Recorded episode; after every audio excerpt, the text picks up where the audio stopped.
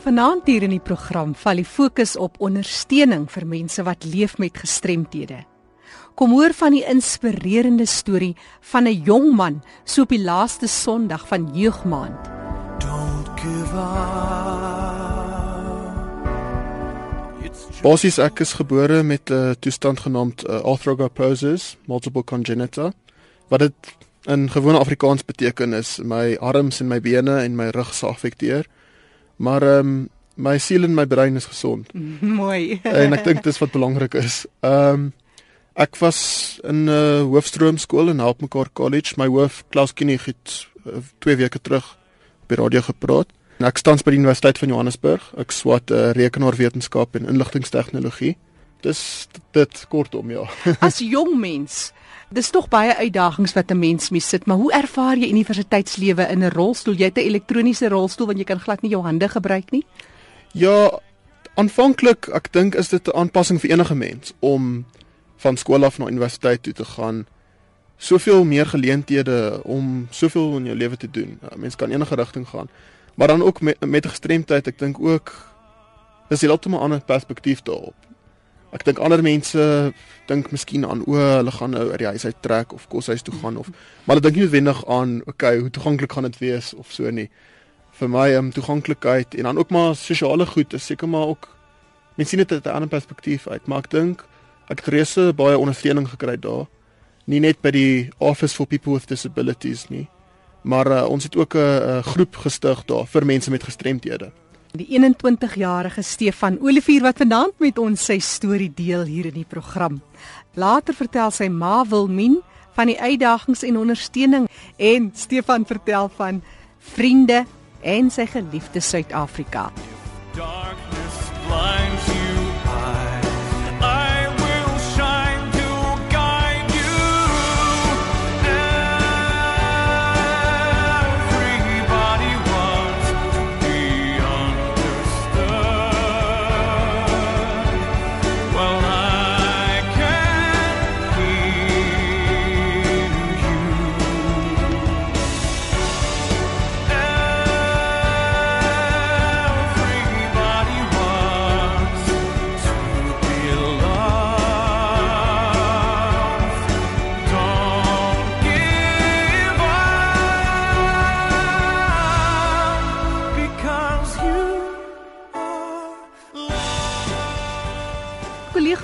Tooi gee eers vir ons terugvoer van 'n brief wat hy ontvang het van 'n luisteraar.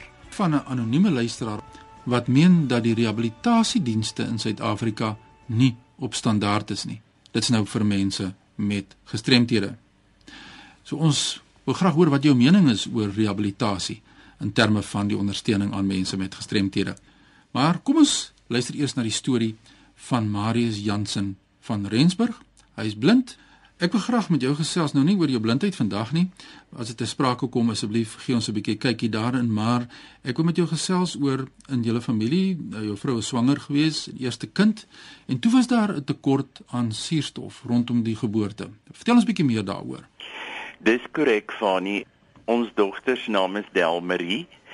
Aanvanklik moes 'n keiser oorspronklik gebeur, het ons gevoel maar die dokter het gereken Delmarie kon normaal geboorte gee en op die einde van die dag moes dit 'n noodkeiser wees en daar was suurstoftekort.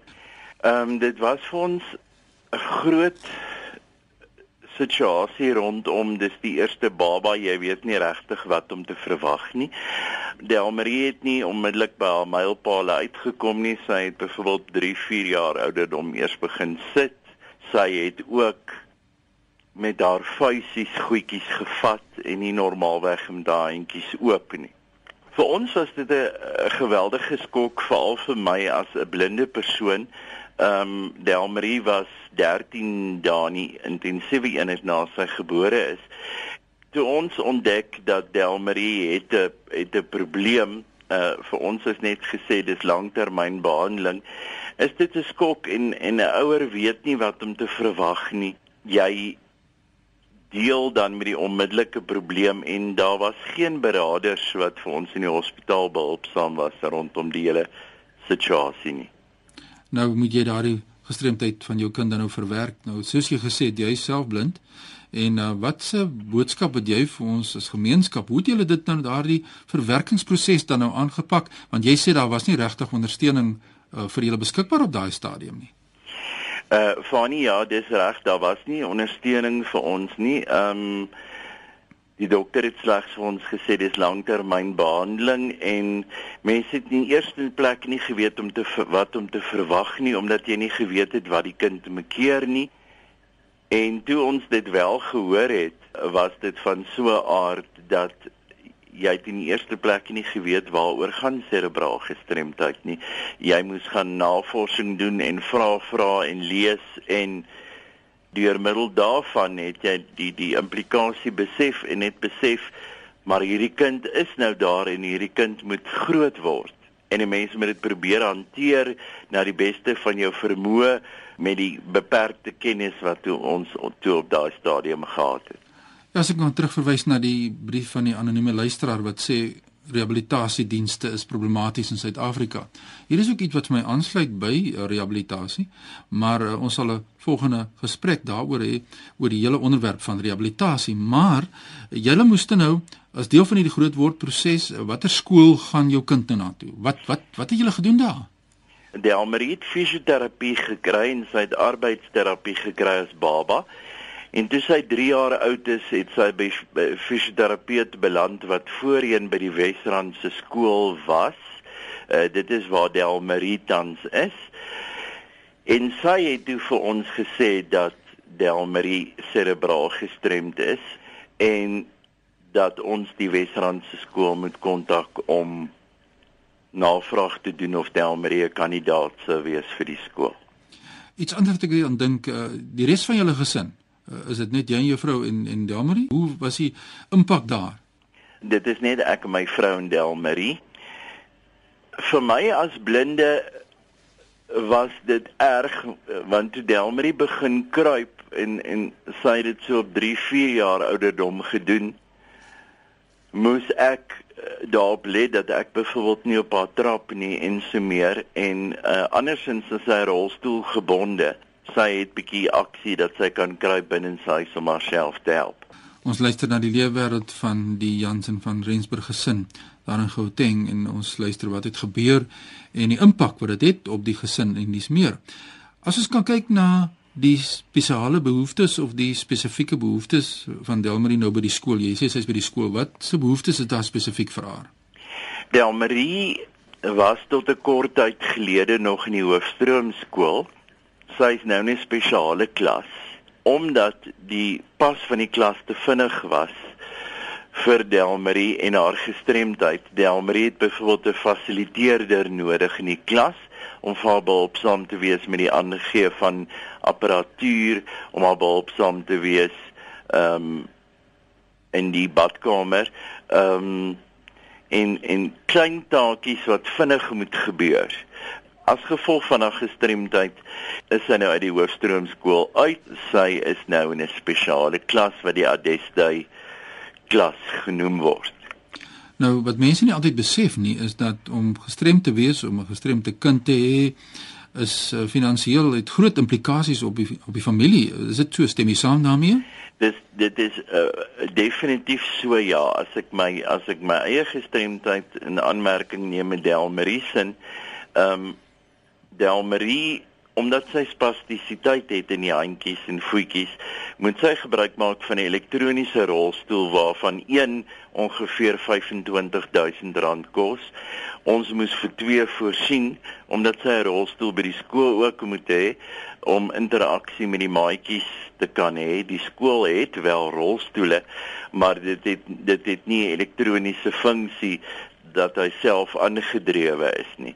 En op hierdie manier om om om net vir jou 'n voorbeeld te noem, as ek dan nou moet kies tussen 'n hulpmiddel vir myself ehm um, en 'n hulpmiddel vir Delmarie, gaan 'n mens natuurlik jou eie kind eers akkommodeer en dit gebeur dan dat jy finansiële implikasie het rondom wat kan ek bekostig, wat moet ek mee sonder klaarkom?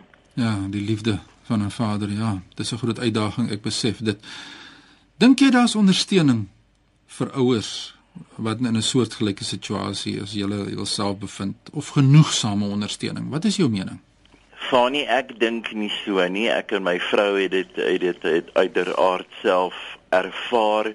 Ehm um, ek dink nie dokters is gerad om te besef dat wanneer hulle met 'n kind het eh, wat wat gebore word en en 'n gestremdheid het dat hulle vir die ouers moet help kry nommer 1 rondom die trauma van die situasie en nommer 2 rondom die gestremdheid van die kind en die en die toekomsbeplanning rondom so 'n situasie.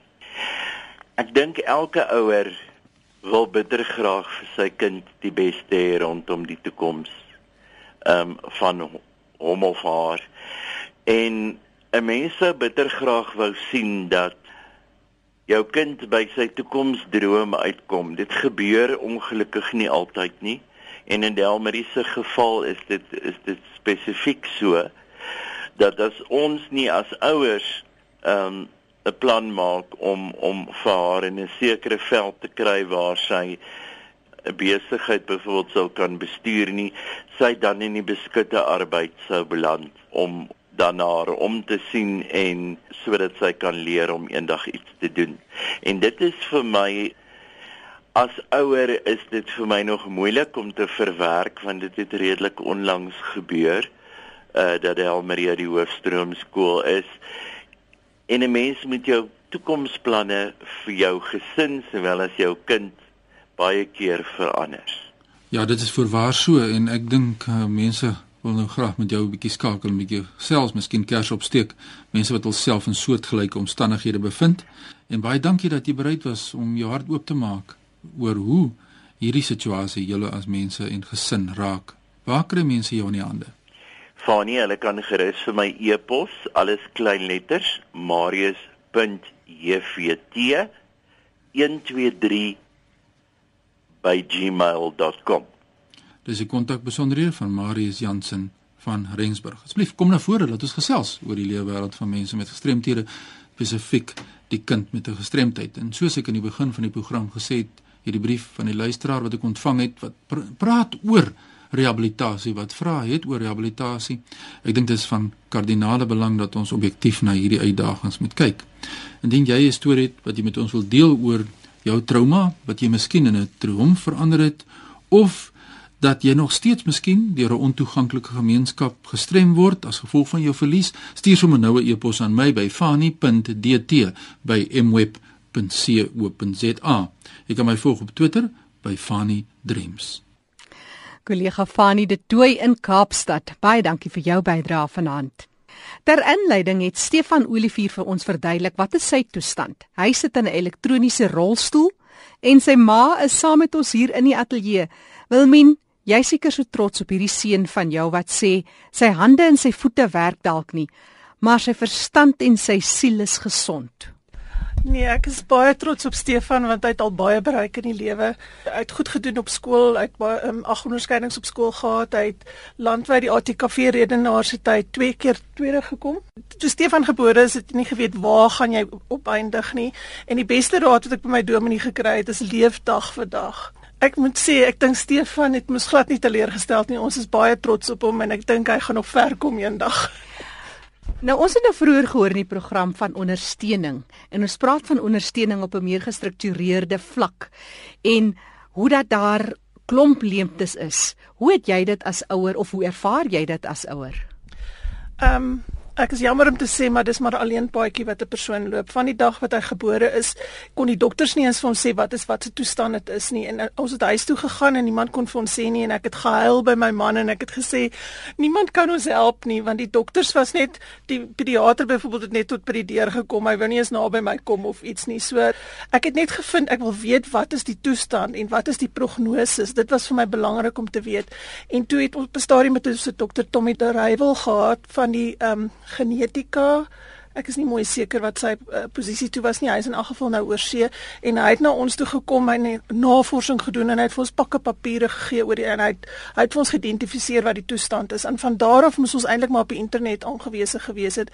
Ons het uh, in Amerika op die internet nagevolg en daar het ons nou maar idees gekry en so aan. Maar eintlik Soos ek sê, Stefan is op sy eerste 3 maande sy eerste hande operasie gehad en ek het hom in my kop gehad. Hy's in 20 April gebore en die 20ste Junie toe gaan ek na die dokter toe. Dis sê ek Stefan is hier en toe sê nee, maar daar's nog nie genoeg vet nie. so van daar af het Stefan in sy eerste jaar seker 15 operasies gehad, maar ek moet sê emosioneel dink ek is mens maar baie op jou eie aangewese. Ek weet nie of mense nie weet wat om vir jou te sê nie, maar dis maar moeilik om daaroor te praat, maar mens moet maar net vorentoe gaan en weet elke dag, die volgende dag die son kom weer op en dan gaan jy maar aan met jou dag. Stefan, hoe hou jy kop bo water? Hoe het jy positief gebly? Ehm um, ek dink kyk my ma het gesê dat uh dis 'n uh, alleen proses, maar mens besef nie eintlik baie keer dat jy naastes baie ondersteuning bied nie. En ek dink as ek nou terugkyk in my lewe is dit eintlik wat my baie gehelp het is mm.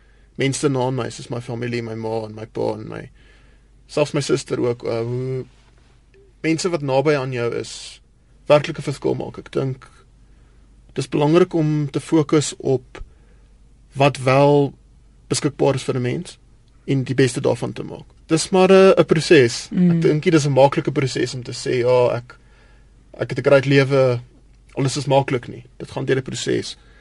Maar ek dink mens moet fokus op die mense wat naby aan jou is en ook 'n uh, mens moet maar fokus op uh, wat jy kan doen, nie noodwendig op wat jy nie kan doen nie. Ek dink dit help nie ek raak negatief in die lewe oor ek nie 'n Springbok rugby speler kan word nie. Mm. Ek dink ek kan eerder fokus op wat ek kan doen. Ek kan wiskunde doen, ek kan kan wetenskaplike word of ek kan praat, ek kan redenaars doen.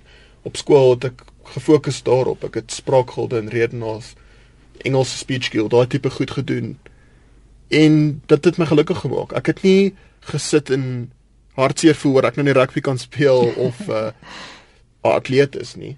En dit het my gehelp um, om te fokus op die talente wat ek het en die beste daarvan te maak. En jou maats, hulle sien jou seker maar as hulle gelyke, dit hulle net so geniepsig partykeer met jou. Kyk, toe ek aanvanklik by die skool aangekom het, voor dit was ek in 'n klein skool en uh, ek was in 'n Engelse laerskool gewees toe ek by help mekaar aankom was dit uh effens van aanpassing, mm. maar ek dink vir enigiemand is dit seker om vriende te maak, maar ek dink dit gaan oor mense ingesteldheid.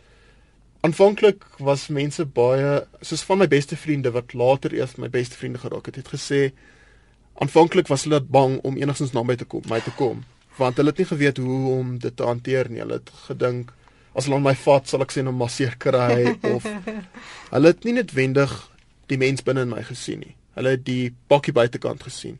So ek dink aanvanklik was dit 'n proses vir hulle om te besef maar hierdie ou is eintlik net soos ons. Hy's nie anders nie. Maar ek dink daar's sekere mense aanvaar dit. As hulle my binne in die persoon binne in my kan ontmoet, dan gaan ons aan. Ons gaan kyk na shows, ons gaan doen alles wat jong mense doen, maar obviously dit is nie so maklik nie. Ek kan nie noodwendig net in die kas spring en miskien gaan kampeer of gaan braai iewers oor 'n naweek nie. My sosiale goed is effens anders as wat nie gestremdes is.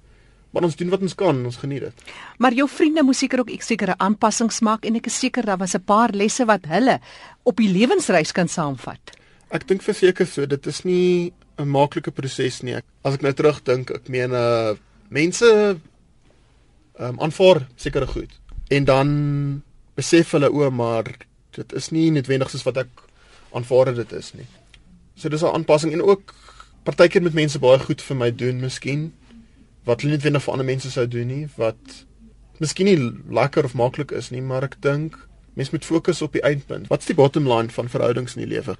Waar gaan dit regtig? So ek dink die verhoudings wat ek het met mense is op die ou end dieper oor hulle geleer het om my te aanvaar met alles wat ek het en al die uitdagings wat daar is. Maar ek dink op die ou end leer mens meer daaruit as net om 'n oppervlakkige verhouding te hê wat in 'n geval nie 'n verskil maak nie. Ek weet nie of dit sin maak nie. As ek kan byvoeg, ek dink dit is 'n proses van om jou sielsgenoot te ontmoet, want ehm um, as mens werk met die Stefan binne in die in die pakkie dan is dit 'n wonderlike persoon wat jy ontmoet. Maar aan die einde van die dag sal ek wou eintlik net gesê het van om jou die regte persoon te ontmoet, want ons is almal verskillend. Dis maar 'n proses hoe jy mense leer ken. Stefan, jy sit in 'n rolstoel, ja. elektroniese ja. rolstoel. Jy's bevoorreg om so 'n rolstoel te kan hê sodat jy jouself tog tot 'n mate kan mobiliseer. Mm -hmm. Die een ding wat jy mis in die lewe is? Wat ek mis in die lewe, maar ek dink dit kan definitief kom. Ek dink 'n uh, algehele gesindheid in hierdie land om mense met gestremthede geheel en al deel te maak van die samelewing. Ek mis dit. En dit is nou op alle vlakke. Ek weet ons is nie 'n eerste wêreldsland nie, ons is op pad soontoe, mm. maar hoe baie daar word gedoen word vir mense met gestremdhede in ander lande, vervoerstelsels, ehm um, allerlei sulke goed. Ek mis dit. Ek dink as dit in Suid-Afrika kan wees, sal sal ek baie baie beter lewe kan hê. Suid-Afrika is jou tuiste, jou ma, jou suster, jou pa, jou familie is hier. Ja. As ek een ander land in die wêreld kan my tuiste maak, sal dit wees? 'n Beter Suid-Afrika waar mense Oh, met dis gestremdhede kan woon. Ja, wat is jou gunsteling kos? Ehm um, uh, pasta wat my ma maak. Hoekom nou juist pasta? Wilmien, dit is nou juist iets wat nie self kan eet nie. het jy die kuns vervolmaak? Nee, hy's mal oor spaghetti bolognese en eh, maar as ek net byvoeg as ons restaurant toe gaan dan word ek baie keer vies vir hom. Dan sê ek, kies tog net iets wat jy self kan eet. maar hy wil altyd die lekkerste dis kies wat nie Ja. altyd so maklik is om te eet Maar dis nie. juist die ding, ek het ek het geleer hoe om dit op 'n perfekte wyse te eet. Dis dis eintlik snaaks want ek het vir universiteit, ons was by 'n funksie gewees en ek het een vriendin wat um, net een hand het. So sy sukkel ook 'n bietjie om te Mm. eet en toe bestel ek 'n uh, pasta en sy sy sê sy weet sy het nie geweet hoe ek dit gaan eet nie, maar ek het dit reg gekry. en want mense um, dink nie ek kan dit doen nie, maar Wat het jy gedoen? hm, hoe eet ek dit? Ja. Kyk as ek iets wil hê, dan sal ek dit leer hoe om dit te doen. Net so laaste vraag, wat is jou grootste begeerte? Een ding wat jy nog altyd in jou hart begeer.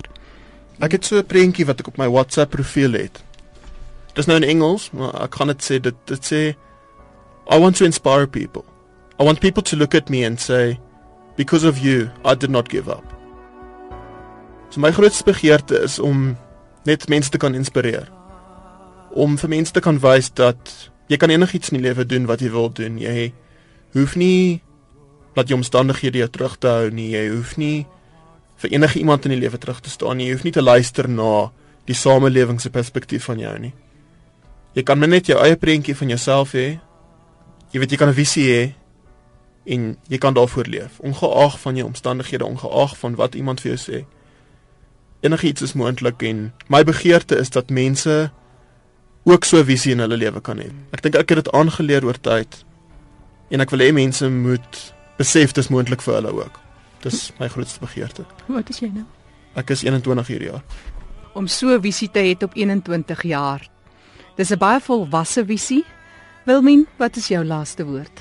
Ag nee, ek is net dankbaar en ek ek dink ek wil ook die boodskap uitbring dat mense moet besef daar's soveel mense wat soveel potensiaal het en dan word mm. Bereik hulle dit nie want hulle het miskien nie die wil nie Mm. en ek het baie keer vir Stefan gesê ek wil, ek kan.